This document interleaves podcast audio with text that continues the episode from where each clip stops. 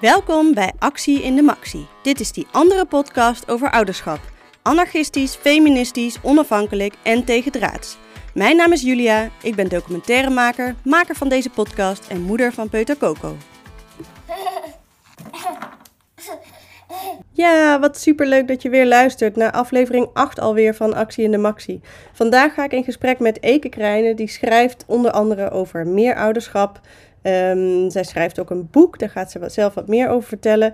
Uh, en we hebben het vandaag uh, over al het moois en moeilijks. Uh, wat komt kijken bij meer ouderschap. Veel plezier met luisteren. Oké, okay, nou, allereerst hartstikke leuk dat je tijd hiervoor wilde maken. Nou, dank voor de uitnodiging ook.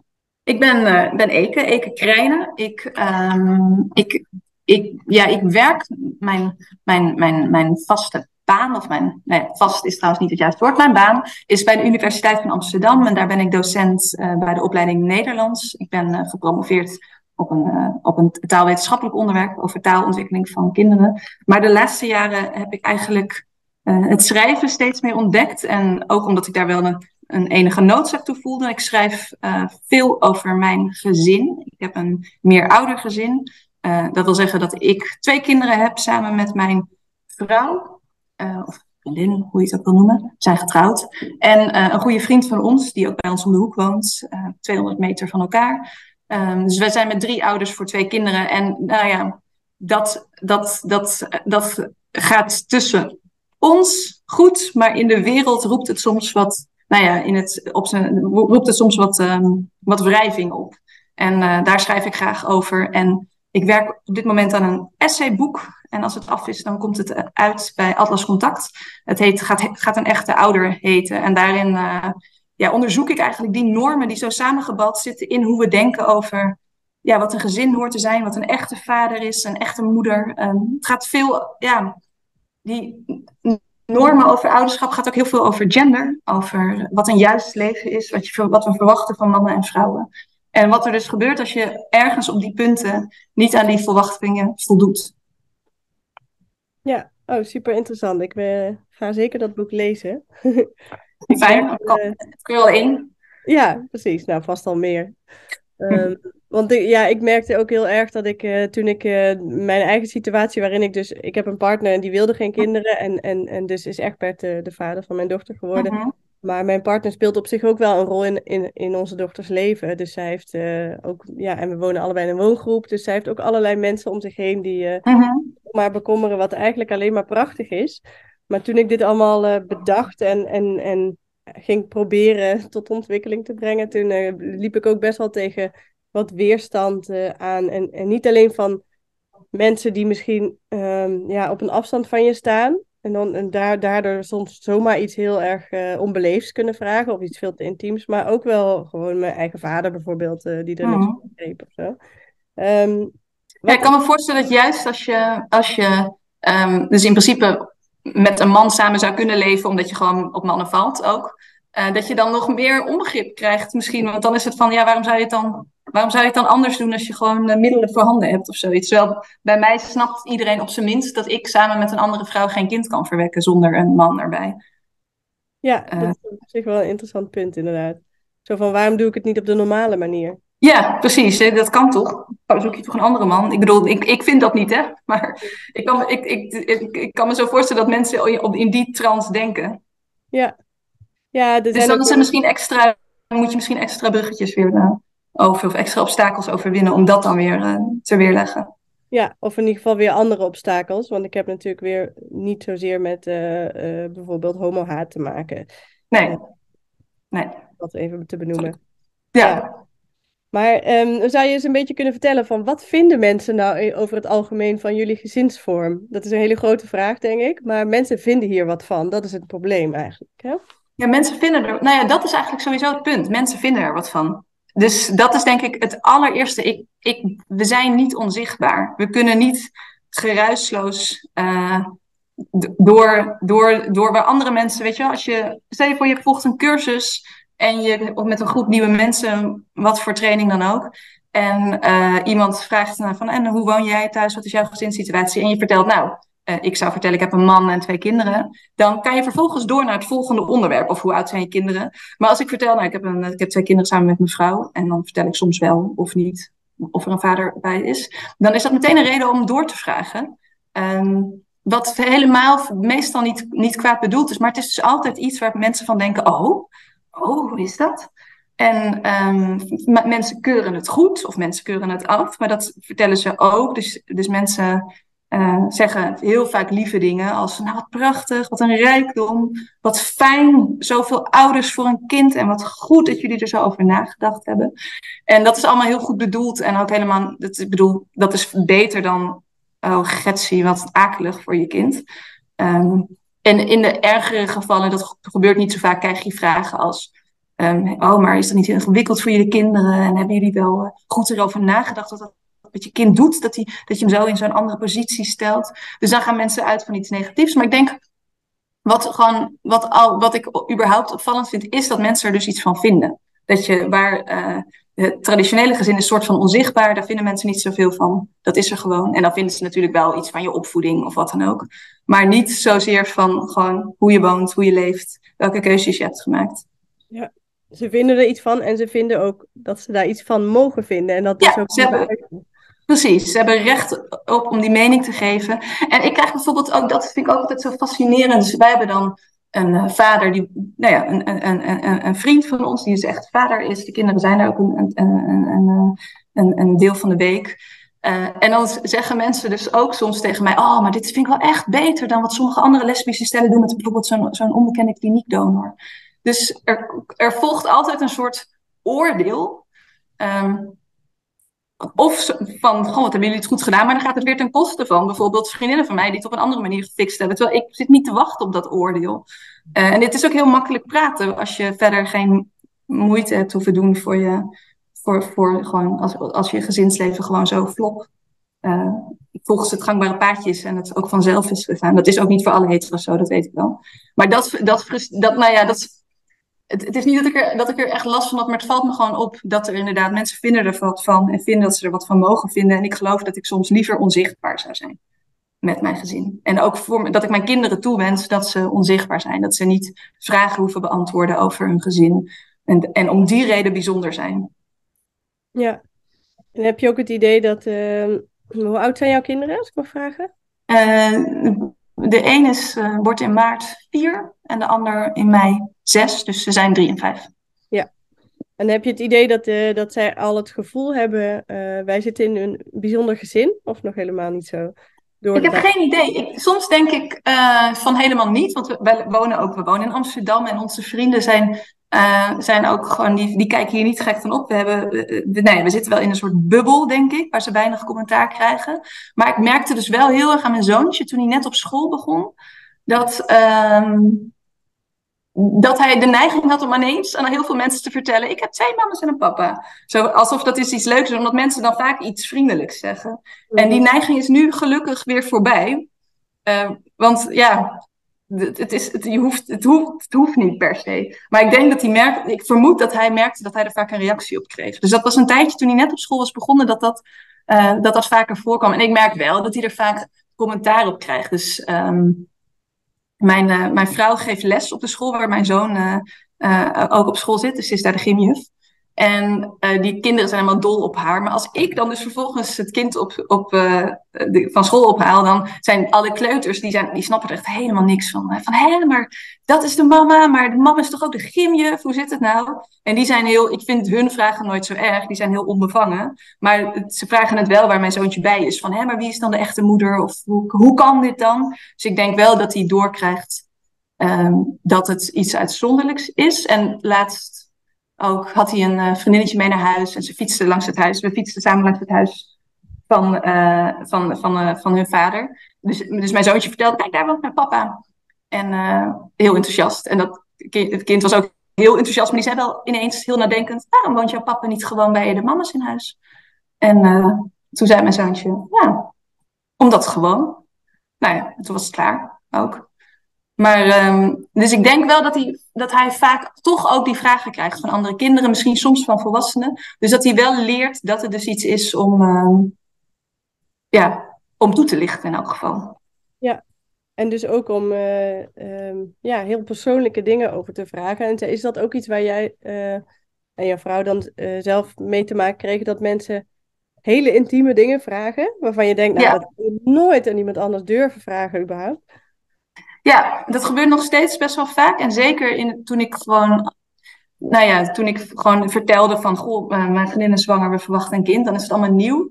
Dus, en ook bij ons tweede kind, dus op het moment van aankondigen van zwangerschap, dan vragen mensen echt heel veel. En ook wel daarvoor in de gesprekken over willen jullie kinderen en hoe ga je dat dan doen?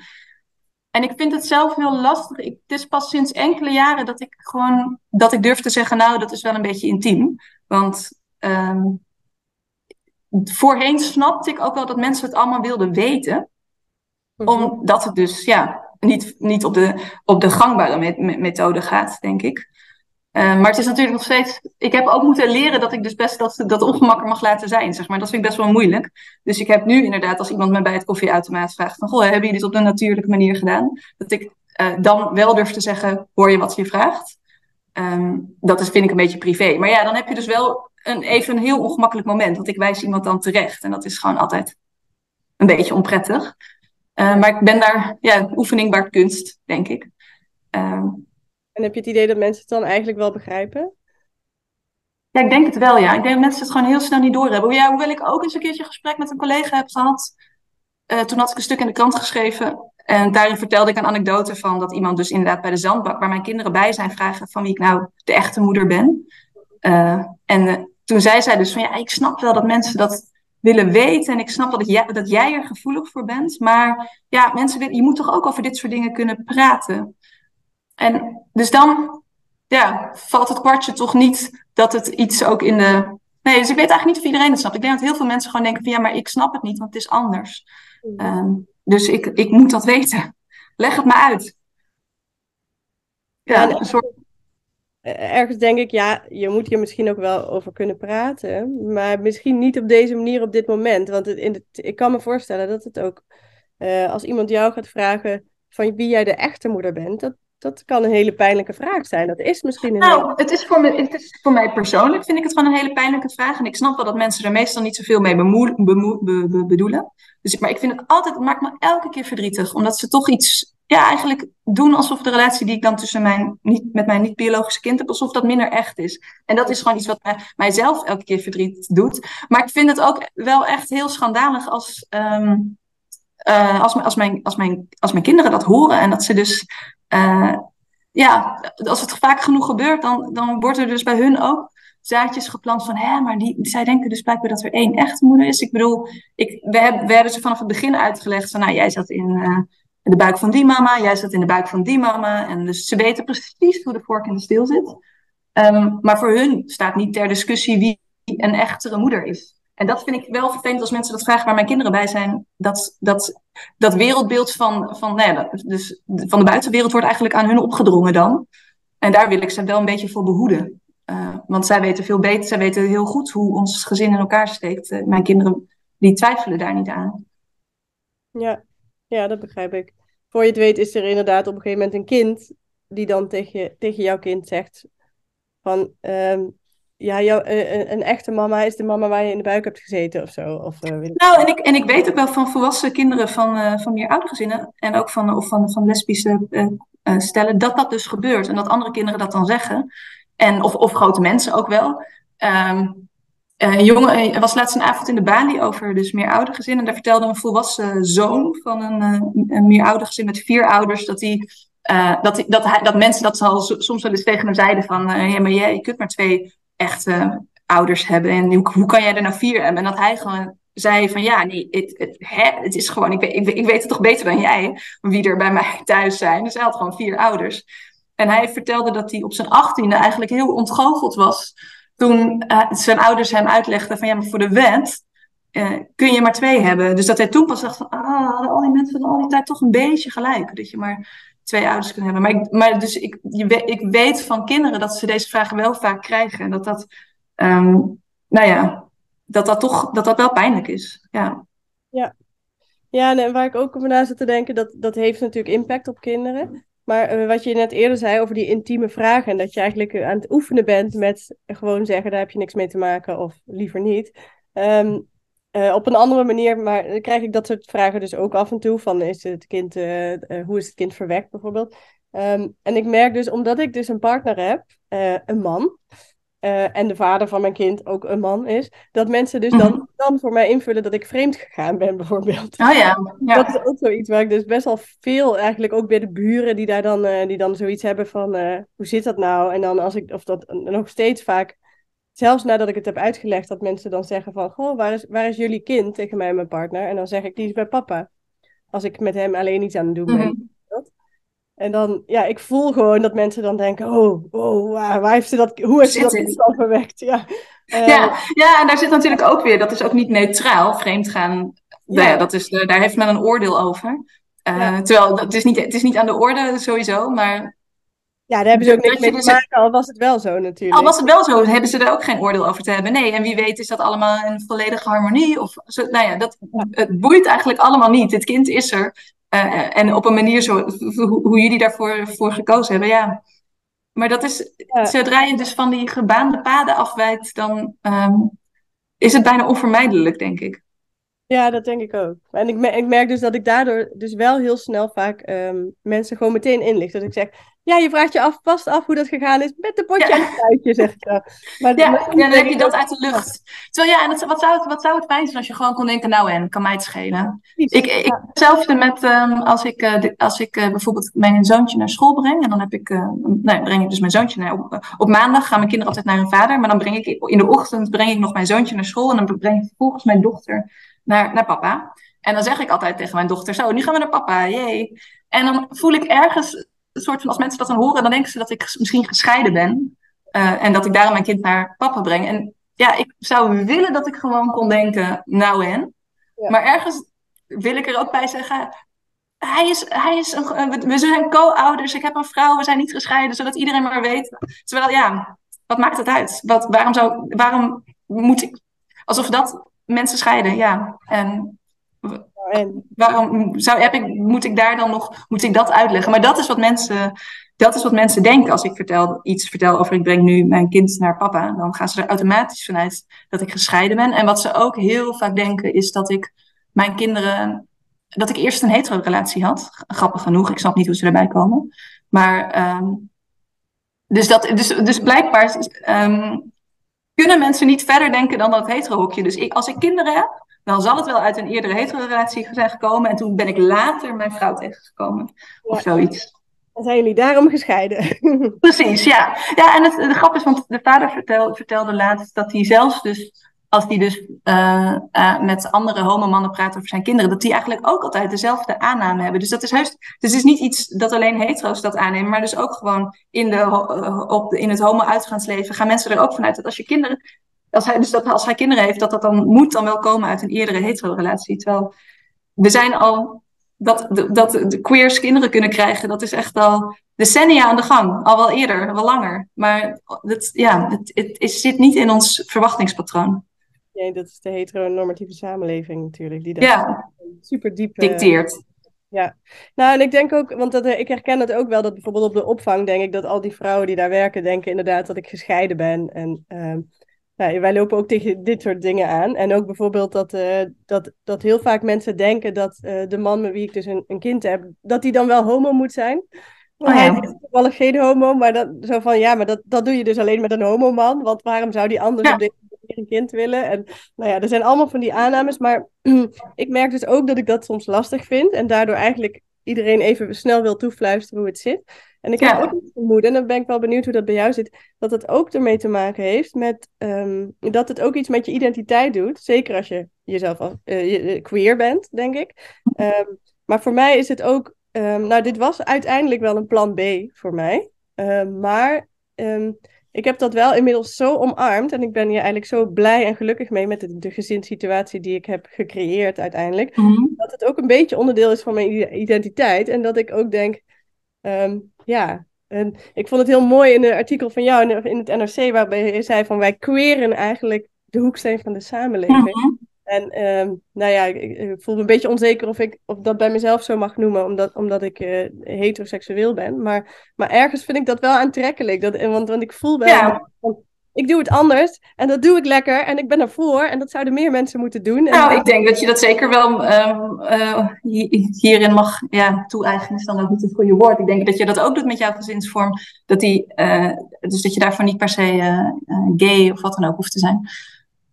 En inderdaad, daar zit een soort trots in van ha, we doen het lekker anders. En dat is juist niet altijd makkelijk. En dat is ook, we hoeven niet te vertellen hoe, we hoeven niet alleen maar te vertellen hoe geweldig het is. Maar hoe fijn is het om niet per se aan al die verwachtingen te hoeven voldoen. En ook, ik heb het heel vaak als ik bijvoorbeeld vrouwen op hele hoge hakken zie. Dan, ik bedoel, er was een tijd toen ik 17 was, dat ik weet je, naar het kerstschalen op de middelbare school, dat ik ook dacht dat ik hakken aan moest. En zo'n lange jurk. En ik ga nooit van mijn leven meer in een, in een, in een kerstbaljurk met hoge hakken naar. Daar ga ik, dat, ik weet dat ik dat nooit meer zal aantrekken. En dat vind ik dus heel dat is zo'n precies zo'n verwachting over wat dan vrouwelijk en mooi is. Waarvan ik weet dat ik er nooit meer aan ga beantwoorden. En dat geeft heel veel vreugde. En hetzelfde geldt misschien voor, voor onze gezinsvormen. Van ja, ik, want er zijn ook nu genoeg. Ik denk dat het, en misschien ook vooral voor vrouwen, ik weet eigenlijk niet hoe het voor mannen is, maar dat hele, die mal van het traditionele gezin met uh, nou ja, vrouw, man, kinderen. Uh, volgens mij voelen heel veel vrouwen zich daardoor um, beklemd. Uh, Jante Mosselman, die heeft onlangs een heel mooi uh, essayboek geschreven. Het heet Al die liefde en woede. Dat is misschien ook een goede voor je podcast. Um, maar zij schrijft echt over dus hoe, hoe uh, ja, woedend ze eigenlijk was toen ze moeder werd. Dat ze ineens merkte, nu zit ik in dit rollenpatroon van moeder de vrouw. Uh, terwijl haar vriend veel meer vrijheden leek te kunnen behouden. Dus ik denk dat die, dat hele moederschap, of het ouderschap en dus in een, ja, in een heteroseksuele relatie, dat dat heel beklemmend kan zijn. En dat het heel veel vraagt om ervan los te breken als je er middenin zit. Dus, dus ik denk, dus dat is wat misschien wat ik net aan het begin zei, ook bij jou. Ik denk dat het van jou ook best wat gevraagd heeft om de droom van een traditionele, waar je mee groot geworden bent, om dat op te geven. is ook een vorm van uit de kast komen, denk ik. Ja, het is een, zeker een offer in ieder geval. Zo voelt het ook. Ja. Iets wat, uh... en, en je wint er heel veel mee, maar in eerste instantie is het misschien een offer, omdat het gewoon makkelijker is om normaal te zijn. Ja. Ja, nee, dat denk ik inderdaad zeker ook. Maar misschien wel wat wel een goede is om, eh, om op door te gaan. Um, want nu hebben we het gehad over de, de buitenwereld en wat, wat vinden mensen en wat denken ze te kunnen vragen. Maar je stipte het al even aan uh, bij die jongen met, de, met vier ouders. Um, um, volgens de wet kan een kind dus maar twee ouders hebben. Hoe zit ja. dat? En hoe zit ja, dat, dat is een, absurde uh, uh, ouderwetse situatie eigenlijk. Maar een kind kan gewoon maar twee ouders hebben. De, de, moeder die het kind baart is automatisch juridisch ouder. En dan is er nog een positie voor een andere juridisch ouder om te vergeven. Um, en uh, ja, dat kan een tweede vrouw zijn of een, een, een, man. Maar dat doet dus geen recht aan, aan de werkelijke situatie van, van, van waarin kinderen opgroeien. En dat, ja, dat is echt heel vervelend. Want het betekent dus dat als de kinderen. Bij, bij, bij ons zijn mijn vrouw en ik. Uh, uh, allebei de wettelijke ouders. Dus, uh, dus wij hebben alle rechten. En dat betekent dat de vader van mijn kind.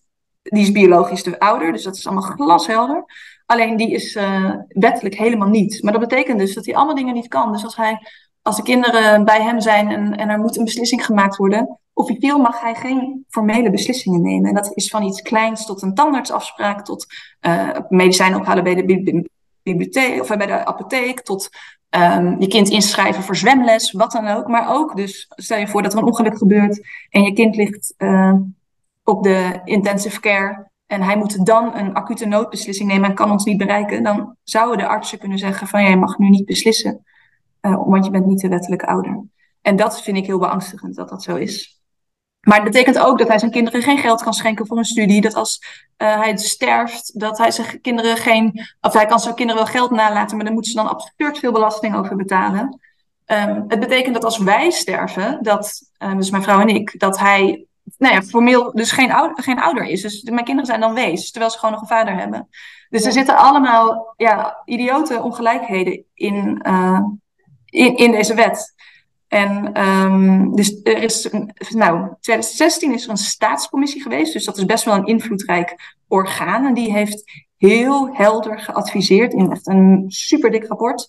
Uh, dat dat aangepast moet worden. Dat het in het belang van het kind is dat uh, de wet aansluit bij, uh, de, bij de realiteit waarin het opgroeit. En nou, de, de, de, veel partijen hebben in alle, allerlei beloften gedaan dat ze dat willen gaan invoeren. Het staat nu heel, heel zwakjes in het regeerakkoord dat ze er misschien iets mee willen doen, maar meer ouderschap wordt niet letterlijk genoemd. Maar, um, uh, maar ja, het is nu al dus, nou, wat is het, zes jaar na dat verschijnen van het rapport en er is nog steeds niet iets concreets mee gedaan. Dus daar ben ik wel echt een beetje, een beetje pissig over eigenlijk.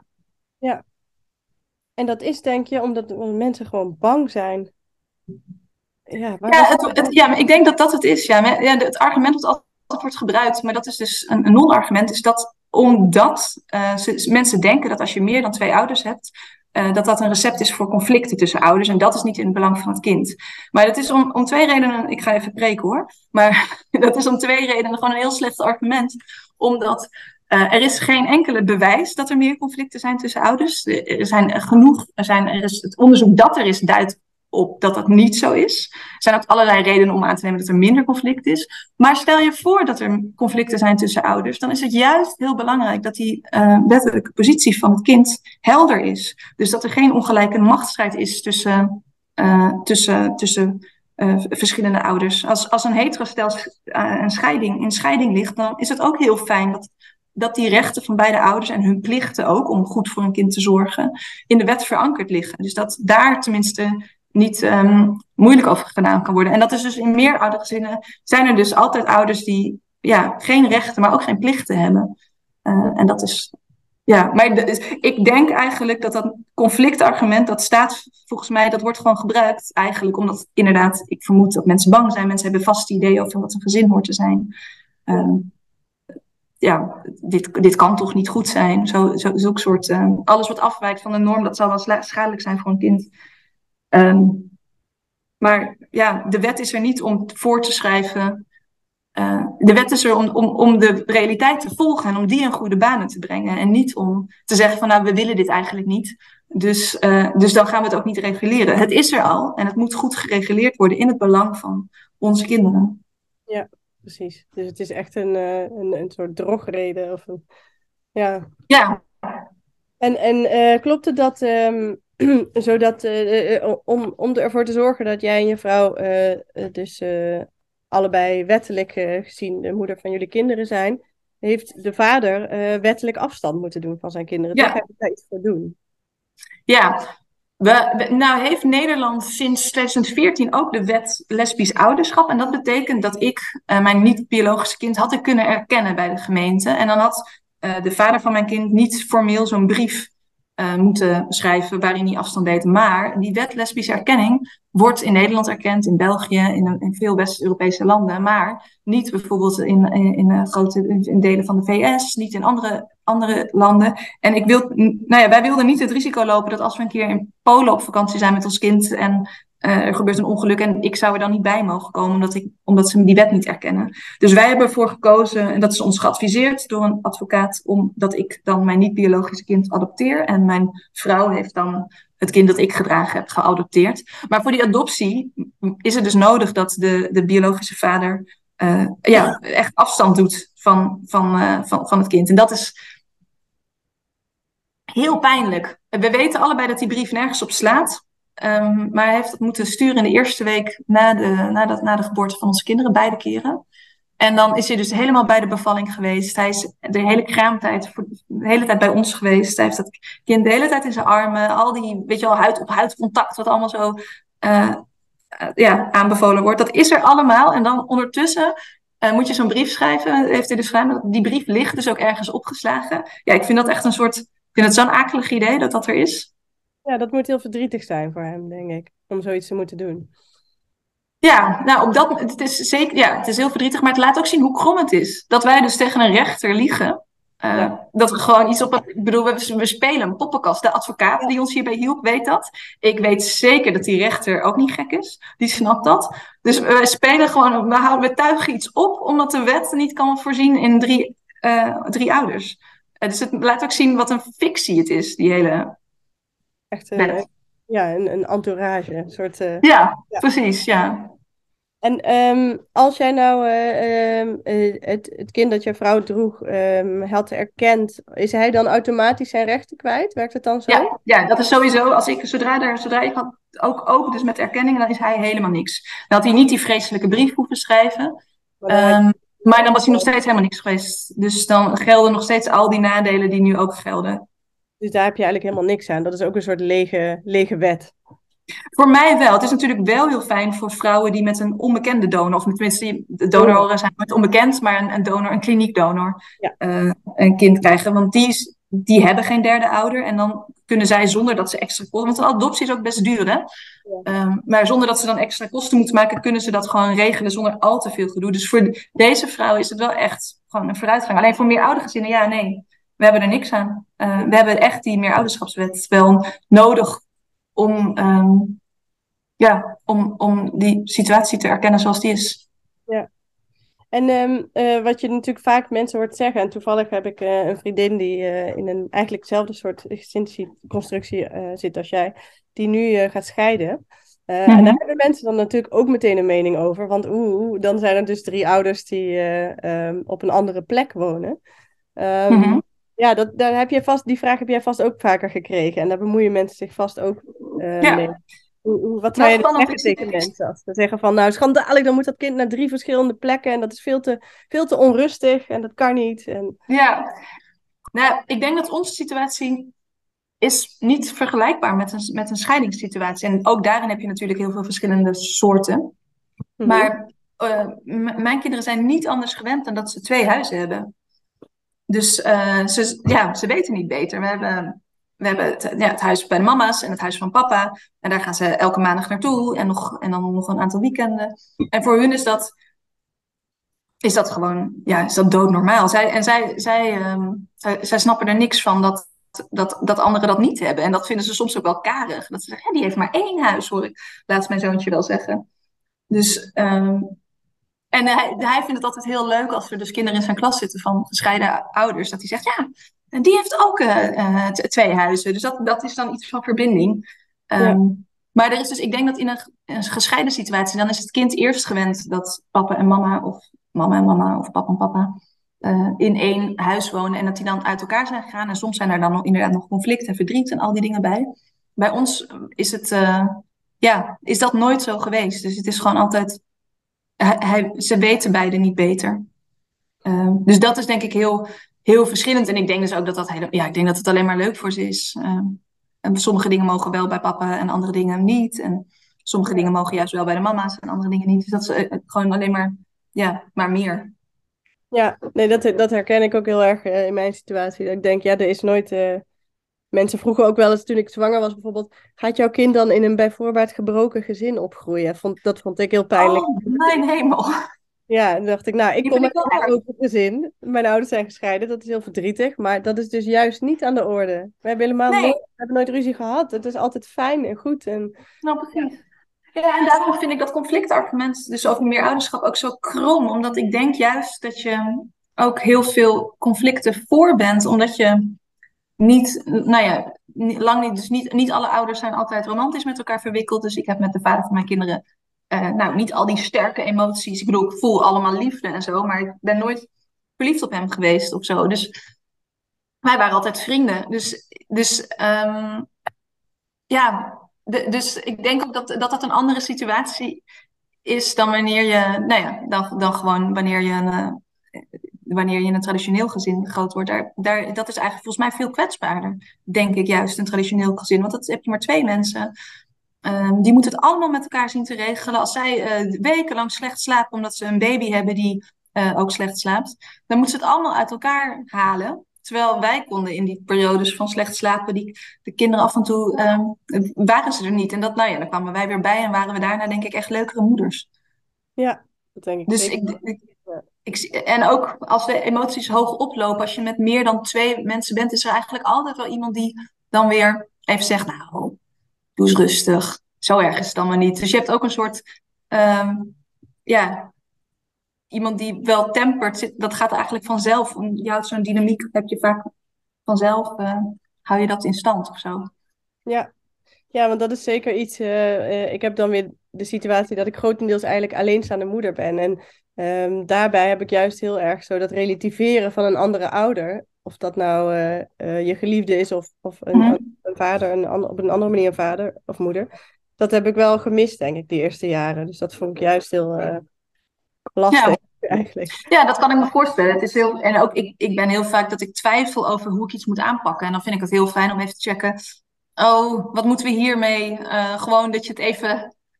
Dat je gewoon een andere mening kan vragen van iemand die, die het net zo belangrijk vindt als jij. Ja, al die, al die keuzes. Het op, dat vind ik überhaupt. Het opvoeden steeds maar weer een keuze maken over wat is mijn strategie hierin? Hoe ga ik met deze drift bij om? Wat Ja. vind ik eigenlijk van koekjes eten? Wanneer mag dat allemaal? Het zijn allemaal van die nou ja, grotere, eh, eh, je hebt natuurlijk hele grote keuzes, maar ook de hele tijd van die kleine dagelijks opvoedbeslissingen. Ik vind het heel prettig dat ik dat dus inderdaad met, eh, sorry, dat is mijn eh, computer, maar dat ik dat met mijn vriendin kan delen, maar ook dus nog eh, met, met de vader. En dat die daar ook weer, die heeft ook weer soms, nou, die denkt soms heel anders over dingen. En dat is, soms kan dat kan ook botsen, maar het is ook wel verfrissend. Zo van, nou ja, oké, zo kan het dus ook doen. Ja, en, en het is voor een kind ook heel duidelijk, denk ik. Wij hebben ook wel dat, dat bij papa gaan dingen soms anders dan bij mama. En dat is eigenlijk, dat is heel duidelijk, omdat het ook twee verschillende huizen zijn en twee verschillende Precies. Dus dat is Ja. eigenlijk heel leuk en heel voordelig. Maar wat ik me eigenlijk nog eh, afvroeg, eh, want die, eerder noemde ik even een eh, vriendin van mij, die dus ook met een vader en nog een moeder samen een kind hebben. Maar die gaan, de, de, de, de, de twee vrouwen gaan zelf uit elkaar. Ehm, Mhm. dus dan krijgen ze uiteindelijk krijgen hun kinderen, die zijn al ietsje ouder gelukkig, maar, maar die krijgen te maken met drie, drie huizen. Is Mhm. dat eh, nog iets anders eh, waar je, waar je een, nog iets anders op zou willen zeggen? Of zeg je daar ook van, nou ja, dat, dat is gewoon zo en eh, ze zijn al gewend aan twee huizen, dus dan kan dat Ja, ook- ik denk dat dat, ik, ik, ik, ik denk dat dat voor elk gezin, dat die daar de beste keuze in kan maken. Je kan niet, je kunt lesbische stellen niet verbieden om te scheiden, omdat ze al met een, met een meer-ouderconstructie, ik bedoel, wij, wij mogen ook relatiecrisis hebben, toch? Ja. Eh, dus dat is gewoon het leven. Ik bedoel, ja, dat is, ik bedoel, je zou misschien willen dat het niet zo was. En we hebben ook, volgens mij hebben heel veel regenbooggezinnen de neiging om te vertellen hoe ge- geweldig goed we het doen. En ik denk ook dat dat vaak wel zo is. Maar dat dus een lesbisch gezin dat co-oudert met een, met een mannenstel of met een man, dat zij ook kunnen scheiden. Dat kan. En ik weet ook van. eh, ehm, nou, die jongen waar ik het net over had, die volwassen jongen, die, die, eh, die vertelde dat ook, dat zijn moeders gescheiden zijn. Ik weet niet hoe zij het hebben opgelost met huizen. Ehm, maar daarin, volgens mij, moet je als volwassene g- kijken wat daarin ook het beste is. Als, een, als je een oplossing kunt vinden, zoals dat wordt gebeurt toch ook wel met traditionele scheidingen, zeg maar. Dat je een soort, hoe heet dat ook weer? Bird? Bird, er is een woord voor nest. Nou, anyways, dat, ehm, dat, dat, de, dat het kinderen in hetzelfde huis. Wat, wat zeg je? Nesting in of zo heet? Ja, zoiets, ja. Ja. Nou ja, dat de kinderen in hetzelfde huis blijven en dat de, dat de ouders wisselen. Ja. Ehm, ik hoor f- ook gewoon van traditionele stellen, zeg maar, of het- hetero-stellen, dat, dat, dat als dat voor je werkt en voor jouw kinderen werkt, dan is dat fijn. Maar als dat alleen maar meer stress en conflicten oplevert, dan kan ik me voorstellen dat het voor een kind fijner is om gewoon drie huizen te hebben en dat dat helder is. Ja. En dat het lastig zal zijn, ja, volgens mij is een scheiding dat is natuurlijk gewoon meestal een, een, even een hele lastige situatie. En in de ene keer gaat het soepel en de andere keer niet. En soms is het een verbetering voor een kind en soms niet. Dat, Ja. Nee, dat is denk ik zo. Ja, dat is En wel. Ja. Dus, eh, het, het, het is inderdaad, het is, het is niet ideaal. Alleen, ehm, eigenlijk hoor ik jou zeggen van, als je het dan anders doet, dan lijkt het bijna alsof het wel ideaal moet zijn. Alsof Ja, alsof je dan dus niet meer.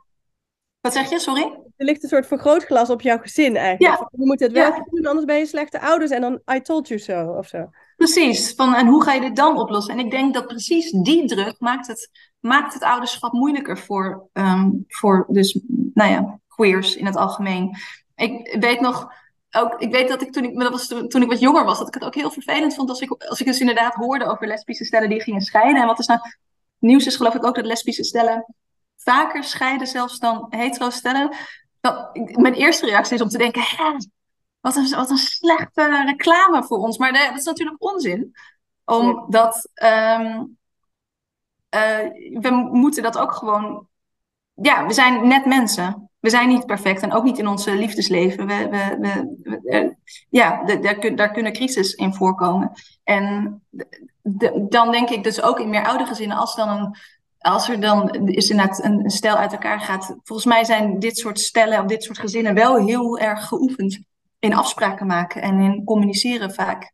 Uh, omdat je dat vooraf al vaak gedaan hebt. Dus dan hoop ik dat, dat, dat je dan zo'n conflict in goede banen kan leiden. Maar dat hoop je voor iedereen, voor iedereen waar, waar ouders uit elkaar gaan. Ja. Niet alleen voor, voor, voor ons, zeg maar. Nee, precies. Ja, heel, dat vind ik een heel belangrijk argument om ook uh, te noemen aan uh, als mensen weer eens met uh, dat soort vragen komen, vind ik. Um, ik zat nog te, me af te vragen. Um, um, in mijn situatie heb ik met de, dus de vader van mijn dochter heb ik een, een, een officieel heet dat dan een donorcontract afgesloten. Mm -hmm. Maar dat hebben we niet voorgelegd aan een notaris, want dat kost heel veel geld. En eigenlijk dachten wij, volgens mij komen we er wel uit. Ook omdat ik eigenlijk het advies kreeg van het is niet, daarmee dus niet juridisch bindend, maar een rechter zal er altijd naar kijken, want er is family life, uh, je dochter komt bij haar vader. Hè, de, de, um, dan zal het altijd een rol spelen. Is dat ook zo bij jullie, dat bijvoorbeeld jullie een, een contract hebben met uh, de vader van jullie kind?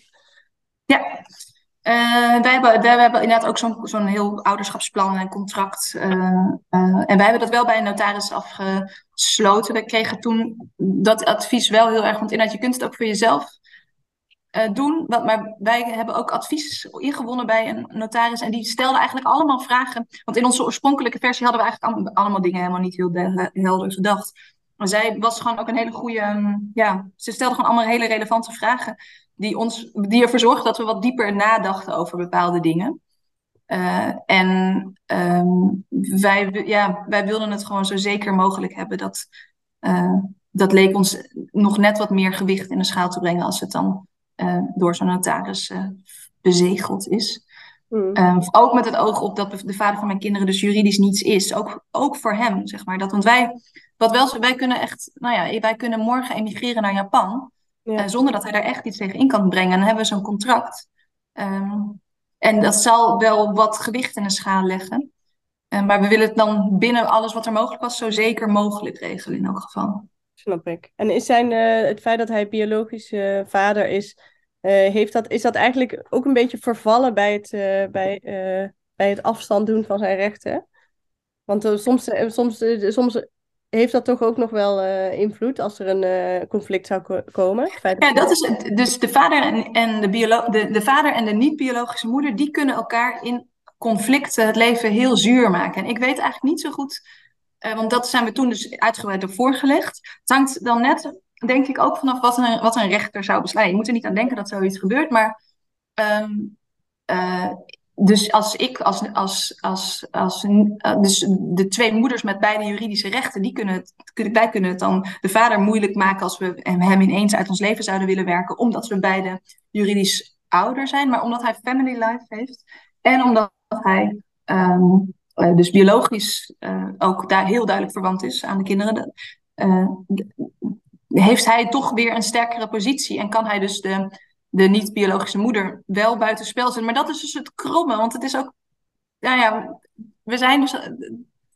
hoezo is die niet-biologische moeder dan minder moeder dan de biologische moeder? Dit is, er is geen, nou ja, ik denk niet dat het bij ons ooit tot zo'n conflict zou komen, maar dat is dus omdat er geen plek is voor de wet, voor een derde ouder, uh, loop je het risico op dit soort machtsstrijden eigenlijk. Terwijl als je vanaf het begin, zoals uh, de staatscommissie ook geadviseerd heeft, gewoon bij een kind uh, je, uh, je, moet dan ook wel, je moet ook van alles doen, omdat je moet duidelijk maken dat je het echt je intentie is om in een in co-ouderschap op te voeden met meer ouders. Maar als je dat vanaf het begin helder hebt, dan, is, is die, dan ga je dus, dan voorkom je denk ik juist ook dat je elkaar later, um, dat je zo'n machtsstrijd eventueel krijgt. Ja, en dat je dat juridisch moet gaan aanvechten en allemaal nare dingen. Ja. En wat zou nou, uh, wat zou nou de beste oplossing zijn? Wat, wat zou je het liefst zien dat er werd geregeld in de wet? Hoeveel ouders bijvoorbeeld? Dat, dat is ja, goede vraag. Wat ik het liefste wil zien is dat het advies van de staatscommissie zoals het er nu is, uh, dat dat geregeld wordt. Ik moet zeggen dat ik, um, ik ben echt dolblij met dat dit advies er is en dat dit document er ligt. Ik moet wel zeggen dat ik de voorwaarden die zij stellen ook al best wel heftig vind. Dus zij vragen, zeggen, stellen van een meerouderschap moet mogelijk worden mits uh, alle ouders vooraf afspraken maken. Nou, daar ben ik voor. Maar die afspraken die moeten getoetst worden door een rechter. Ja. Uh, en daar moet een bijzonder curator, dat is een persoon die het belang van het nog onverwekte kind moet inschatten, die, die moet dan in die procedure betrokken worden. Dus er wordt een hele rechtsgang opgetuigd.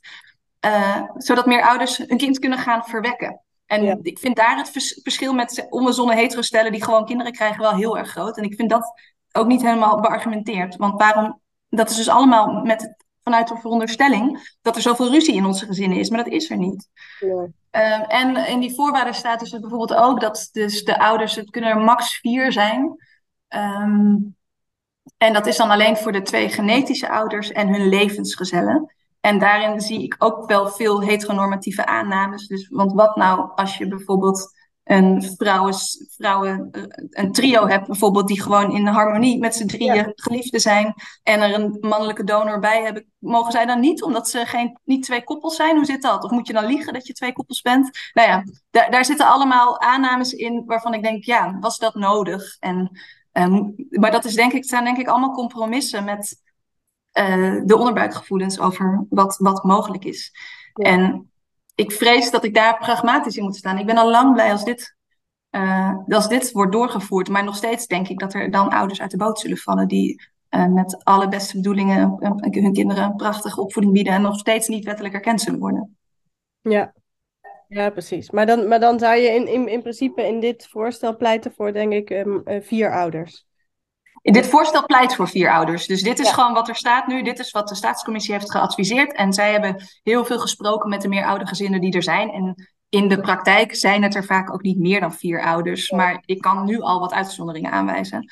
Uh, dat het er vijf zijn. Dus ja, dat komt ook voor. Ja. En dat is dus een beetje krom dat, die, dat, dat daar dan uh, zo'n grens getrokken wordt. Dat is een beetje, wat mij betreft, willekeurig. Volgens mij moet je, zou je bij iedere situatie. Uh, is er de intentie dat, alle, alle, dat, dat, deze mensen de ouders zijn. Maar ik, laat ik het zo zeggen, ik, ik ben heel blij met het, met, het, met het advies van de staatscommissie. En ik denk dat dat een eerste stap is en dat dat doorgevoerd moet worden. Zodat, ja, zodat, de, nou ja, dat mijn kinderen de zorg kunnen krijgen van al hun ouders. Uh, als er nood aan de man is, als het nodig is. Ja, ja dat, ik ben het er heel erg mee eens. En het lijkt me, ja, lijkt me essentieel, juist voor die kinderen eigenlijk. Ja. Terwijl, dat, dat, dus dat argument van kinderen moeten beschermd worden of zo, dat uh, gaat eigenlijk helemaal Nou ja, precies. Maar die dat hele redenering van de staatscommissie is er ook echt op gebaseerd van het leidt tot nadeel voor de kinderen als je dat niet erkent. Dus, dus alleen dus al dat ze misschien niet de juiste medische zorg krijgen, maar ook dat ze dus belasting moeten betalen over de erfenis van hun niet-wettige ouders. Maar ook stel je voor dat dus mijn, de vader van mijn kinderen op een gegeven moment, uh, weet je wel, oud is en uh, in coma ligt. En er moet, en, en er moet besloten worden of wat er met hem gebeurt. Dan wil je er als kind over kunnen meebeslissen. Als volwassen kind. Maar dat kan dus ook niet nu. Nee. Ze kunnen ook de zorg geven. En dat lijkt me heel. Of ja, ze kunnen zelfs het risico lopen dat ze hun zieke ouders niet mogen bezoeken in een ziekenhuis. Ja, omdat ze niet officieel. De kinderen zijn. Ja. Dus het is, los, het is nu zijn, onze kinderen zijn nog jong. Dus wij denken vooral uit vanuit al de zorg die wij hun volledig willen kunnen geven. Maar um, ik denk omgekeerd als gewoon in, in, in de toekomst, denk ik dat zij ook betrokken willen worden in keuzes over ons. Ja. Ja, het zet, het zet me ook wel aan denken, omdat ik juist dus best wel bewust heb gekozen voor een situatie waarin de, de vader van mijn kind dus eigenlijk geen rechten heeft. Uh, en ik dus juridisch alleenstaande ouder ben. Um, en, en ik denk nu wel ook naar aanleiding van dit gesprek van, goh, heb ik daar niet eigenlijk veel te makkelijk over gedacht wat dat allemaal impliceert en betekent. En ik heb wel uh, dan bijvoorbeeld geregeld dat als ik dood zou gaan, dat hij dan de voogd is. Mm -hmm. Dat hij krijgt. Maar uh, ja, het is, wel, het is wel interessant dat, dat, dat, dat ja. weet je, het voelt nu als een soort privilege en als een luxe dat ik, dat ik daar zomaar voor gekozen heb. Terwijl uh, jullie moeten vechten en, en zelfs dat eigenlijk nu op dit moment geen zin heeft of niet helpt waarschijnlijk. Nee. Uh, ja, voor iets. Ja, maar, maar ook iedereen maakt er ook weer andere keuzes in. En er zijn ook redenen genoeg om te bedenken van dat je waarom je. Maar dan heb je gewoon een ander soort gezinssituatie. Wanneer je het gewoon uh, inderdaad bij jezelf wil houden. Dat is ook iets, dat is ook iets anders dan um, wanneer je echt inderdaad in volledige co-ouderschap je kind wil opvoeden. Ja. En daar heb je ook daar heb je dan ook de lusten, de lusten van, maar ook de lasten van. Ja, er zou eigenlijk veel meer maatwerk moeten zijn natuurlijk. En ja. Het is eigenlijk heel gek, dat zie je alleen al in eh, de aanhef van, eh, weet ik veel, consultatiebureaus soms, of, uh, of scholen daarmee omgaan, dat, mm -hmm. we, dat we nog heel erg achterlopen, terwijl eigenlijk de gezinsconstructies die niet uh, ja, klassiek huisje, boompje, beestje met een man en vrouw zijn, die, die, die vliegen je bijna om de oren, weet je. Het is ook weer helemaal niet meer zo radicaal. Nee, nee, helemaal niet, nee.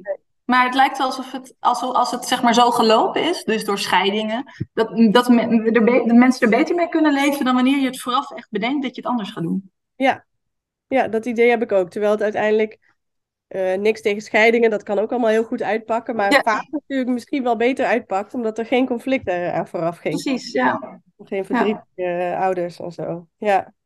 ja, interessant. En zijn er nog uh, soort van, uh, wat, wat, wat kun je nou doen als je, zijn er nog kleine, kleine activistische dingetjes of misschien wel fantastische kinderboeken waarvan je zegt, nou hier moeten we gewoon onze kinderen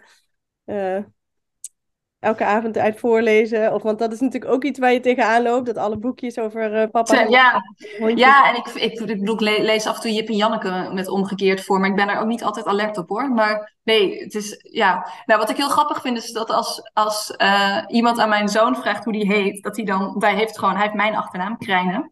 Maar dat hij dan alle onze drie onze achternaam oplepelt. Dus dat hebben wij ooit voor de grap ingevoerd. Dat hij nou ja, die drie achternamen heeft. En hij, hij denkt dus ik vind dat heel grappig. Hij denkt dat dat zo is. Dus dat is, ik vind dat een klein verzet. Dat wij gewoon, dat hij denkt dat hij, hij heeft de achternaam van mama Eke, van dan zijn andere moeder en van de vader. En dat vindt hij gewoon heel, heel normaal. Dus dat is kleine, kleine verzetjes. En um, ja, eh, elke keer maar weer uh, op zo'n formulier uh, moeder, weet je wel, moeder 2 erbij tekenen. Of, of dus een derde ouder, een kolom. Op de, het is elke keer weer gewoon ja, dat is, ik zie het als een heel klein verzet. Gewoon elke keer die aanpassingen doen. In de wachtkamer, bij de spreekkamer van de dokter, maar weer die derde stoel erbij pakken. En, en, en zo. Maar dat is meer gewoon, dat, dat is een beetje routine voor ons. Maar het is toch steeds, het zijn klei, steeds kleine, kleine acties van verzet, denk ik. Ja, dat lijkt me heel belangrijk om dat soort dingen te blijven doen. Ik merkte, deze week had ik een, een magazine eigenlijk waar iets in stond over... Uh, het ging eigenlijk over draagmoederschap, maar er was in ieder geval een plaatje. Een aantal plaatjes van um, meerdere ouders en één babytje op het moment van een geboorte. Mm -hmm. En, uh, en toen vertelde ik aan mijn dochter van, nou, sommige mensen hebben twee papa's, sommige twee mama's, sommige twee papa's en één mama. En ik ging zo een beetje opnoemen. En toen, toen zei ze heel beteuterd eigenlijk, ik wil ook twee mama's. ik, oh, maar je hebt toch een papa en een mama? Eigenlijk een hele normale situatie. Ja. Maar uh, dat vond ik ook heel grappig, omdat ik dacht, ja, zij dacht dus, oh, dat is leuk, twee mama's. Ja, precies. Gaaf. Gewoon meer van daarvan, ja. Ja. ja. Nee, precies. Ik denk dat dat gewoon heel belangrijk is, dat je kinderen überhaupt laat zien dat het een, dat het een optie is. Dat het allemaal kan. Dat het, ja, um, uh, ja dat, het gewoon, dat, dat er veel mogelijk is. Ja, dat het gewoon totaal normaal is. En ik hoop ook dat ja. inderdaad, uh, ik kan me voorstellen op basisscholen, mijn dochter is pas drie, maar die gaat dan volgend jaar naar school, dan, dan uh, is de diversiteit misschien ook wat duidelijker dan, uh, dan op de opvang. Ja, hangt misschien ook af van de school. Ja, en sowieso elk jaar, wat je net al zei, er zijn zoveel soorten al van gezinnen. Dus in zo'n klas heb je inderdaad een single ouder, een, een single moeder, single vader, gescheiden ouders, mensen met nieuwe partners. Dus dat is allemaal, die diversiteit is er eigenlijk ook alweer wel. Dus in wat dat betreft wijken we ook weer niet zoveel af, denk ik. Terwijl ja, maar op een bepaalde manier dus toch ook weer wel. Ja, misschien zou er ook vanuit uh, de scholen wel meer aandacht aan besteed kunnen worden om gewoon uh, ja. die diversiteit te benadrukken. Want elk, elk kind zou eigenlijk moeten weten wat er allemaal mogelijk is. En dat dat dus ja, en dus inderdaad wat je net al zei, het zou fijn zijn als er gewoon verhalen waren waarin dus dat twee papa's of twee mama's of zo ook niet het thema was of het probleem of uh, een, weet je wel, een, een, oplossing van hoe zijn wij tot onze kinderen gekomen. Maar het zou gewoon fijn zijn als er meer kinderboeken waren ja. waarin uh, je hebt zo'n kinderboekenschrijver, hoe heet ze nog meer? Van de dappere ritster. Uh, ja. Janneke Schotveld. Maar die heeft ooit een volkskrantstuk geschreven waarin ze pleit voor terloopse homo's in kinderverhalen. En daar, daar ben ik echt, dat vind ik echt heel leuk. Gewoon ja, gewoon meer terloopse homo's. Die verder niet, ja. hun homoseksualiteit is geen thema, maar gewoon, oh, daar heb je weer even de, de tweede papa die komt aanfietsen. Ja. Of, nou, een nou, favoriet hier in huis is uh, opa's camper. Die kennen jullie vast. Ja, die hebben wij natuurlijk ook. Ja, nou precies. Dat is ook een terloopse homo, inderdaad. Ja, Gewoon, het, is niet, het gaat niet daarover, maar het is wel... Uh, Opa het, het is er wel. Ja, precies. En ik wil nog een, misschien nog een laatste kleine tip. Dat, dat vond ik namelijk ook leuk om te merken. Um, is dat er, uh, ik keek uh, de serie uh, Wednesday over de Adams Family. Over het meisje van de Adams Family. Ja. Op Netflix. Um, ja.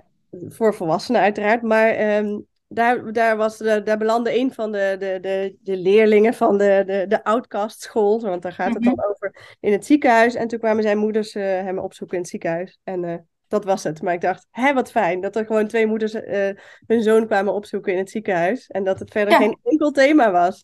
Nee, dit is er gewoon, hier is het, ja. ja het is, ja, is een beetje triestig dat het opvalt, maar ja, het viel me wel Ja, nee, ja, dat is nog dus, zoals het is.